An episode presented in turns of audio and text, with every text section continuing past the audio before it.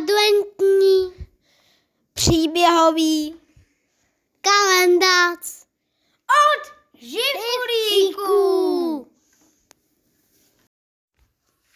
Příběh druhý, příběh pro 2. prosince o tom, jak na kamínka ramínka spadl z nebe kruh.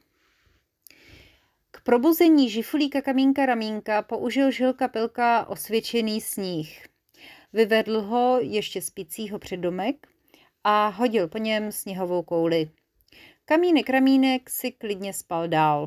Spal, jako když ho do sněhu, tedy do vody hodí, což se kamínkovi ramínkovi dělo poměrně často. Kamínek ramínek se totiž v Rádečkovském lese stará o vodu, takže ve vodě je jako doma. Když tu se ozvalo vžum a na kamínka ramínka spadl přímo z nebe veliký slaměný kruh. No to, to se probudil raz dva. A hned začal hromovat. Co je tohle za pořádek, rozčiloval se kamínek ramínek. Je prosinec a v prosinci každý rozumný žifulík spí. Tak jak to, že tady stojím po kolena ve studený, stuhlý bílý vodě a navíc uprostřed slámového kruhu. Kamínku, to, je, to bude nějaká zase další zimní bláhovina. Objal ho žilka pilka. Představ si, já už jsem včera viděl běhat stromy po lese. Nebo taky jsem viděl, jak na nich roste zelenina, vysvětloval žilka pilka. Řekl bych, že i tenhle ten slaměný kruh bude nějak souviset s Vánocema, rozhodl žilka pilka.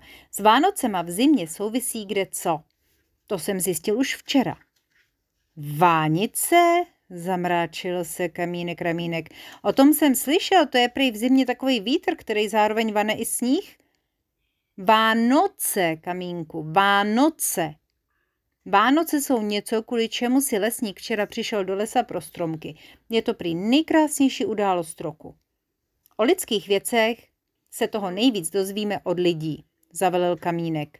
Jdem za Krobovejma na jejich hrádečkovskou chalupu. Krobovy jsou nejbližší ličtí sousedé žifulíků. Děda Andrej žifulíky kdysi v lese objevil a když jeho dcera Kačka vyrostla a začala vozit na chalupu nejenom svoje kluky jako Buky, Bartolomě Jeronýma, ale i svého muže a dva pejsky Goldu a Aidu, tak se všichni dohromady skamarádili a zažili spolu spoustu dobrodružství. A to se ví, že jakmile se s něčím lidským žifulíci neví rady, běží hnedka ke krobovým. Už proto, že babička Andulka peče baječný tvarhový koláč. Jenže teď se žifulíci přepočítali. Krobovi na hrádečku nebyly. Chalupa byla úplně temná, i když ne úplně. Dole na zahradě, hnedka u, u plotu, eh, stála taková malá, košatá, nádherná eh, lípa. A u kmenu téhleté lípy eh, problikávala malá světýlka, jako by se tam někdo dělal miniaturní táboráčky. Lípa Olga bude vědět, zaradovali se oba žifulíci a už si to k ní pelášili. E, lípa Olga totiž není obyčejná lípa. I když těžko říct, jestli nějaká obyčejná lípa vůbec existuje. Stromy jsou skrz na skrz neobyčejné. Tahle lípa má ale ještě navíc lidskou duši. Kdysi dávno, když ještě tohle nebyl ani strom, ale jenom takový tenoučký křehký proutek zabudnutý v zemi, se krobovicou setka tady na hrádečku Olga z toho bílého velkého domu od naproti o tenhle ten proutek starala. Pomalu díky její péči z proutku začal růst silný krásný strom. Když potom Olžina duše musela opustit tenhle ten svět, nedokázala opustit hrádeček. Zabydlela se ve své lípě a od té doby nás chrání před zlými duchy. Pocestní u ní zapalují svíčky, protože nechtějí, aby se na Olgu zapomnělo. A to byla právě ta světýlka, která žifulíci viděli, když na Krobovic zahradu dorazili. No tak to je určitě adventní věnec, rozhodně prohlásila lípa Olga, když jí žifulíci všechno vyložili a ukázali.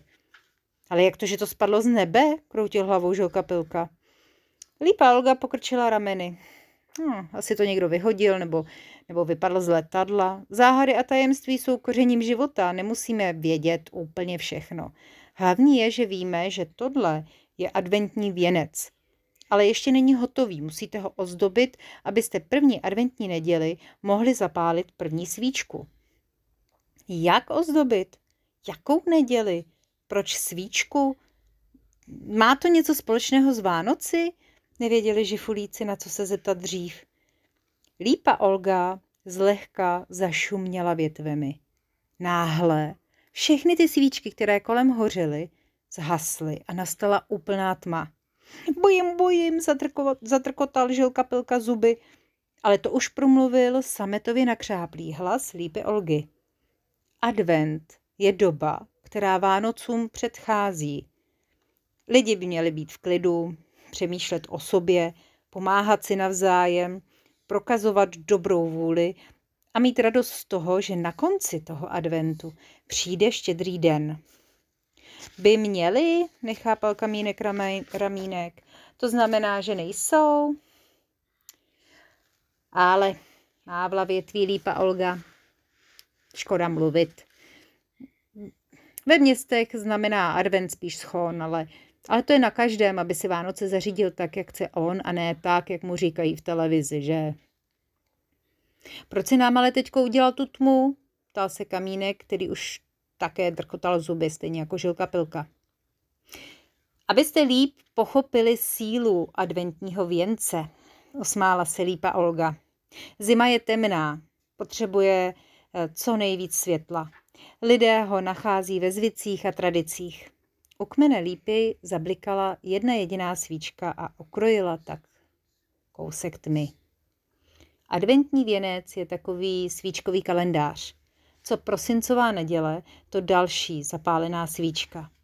Nejdřív je to železná neděle, potom bronzová, rozhořela se druhá svíčka, pak stříbrná a nakonec zlatá. U Olži na kmene už zase hořely čtyři svíčky a ozařovaly celou zahradu. Co neděle to víc a víc světla, víc naděje, víc Vánoc. Správně by měly svíčky být tři fialové, za tři týdny příprav a očekávání a jedna růžová za tu radost, která nás čeká na konci. A až budete zapalovat tu čtvrtou svíčku, tu růžovou, budete vědět, že Vánoce jsou už tady. Takže se vždycky každou neděli všichni nad tím věncem sejdou, aby zapálili další svíčku? Usmál se kamínek ramínek. Měli by, usmála se lípa Olga. To se mi líbí, vyskočil žilka pilka. Tak si nazbírejte v lese větvičky a šišky a cokoliv tam najdete hezkého a věnec si dozdobte. Svíčky na něj vám moc ráda půjčím já. A rychle, ať to stihnete do první adventní neděle, volala za nimi lípa Olga, ale to už žifulíci nadšeně kutálili věnec zpátky k domku, aby ho ozdobili, protože teďko už věděli, co s ním. Namotali na něj větve smrků a mech, potom ho ozdobili červenými šípky a oranžovými mochyněmi, které vypadaly jako malé lampionky. Žifulíci sice v lese neměli ani pomeranč, ani citron, ale měli od, kru, od krobů ve sklepě nějaká letní jablíčka.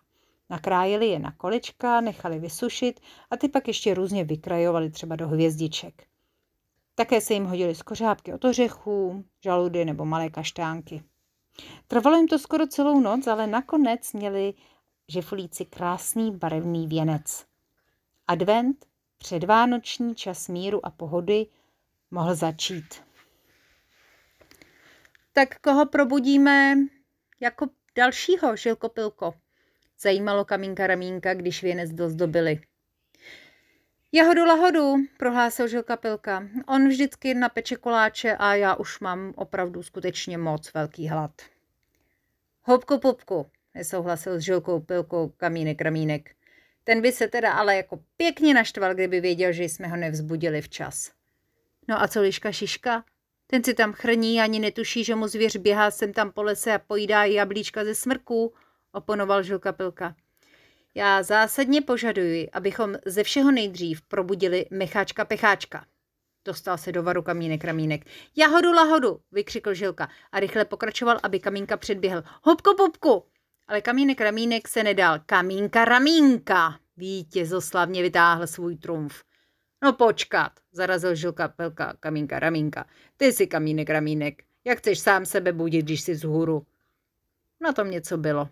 Hele, já jsem jako už docela unavený, přiznal kamínek ramínek.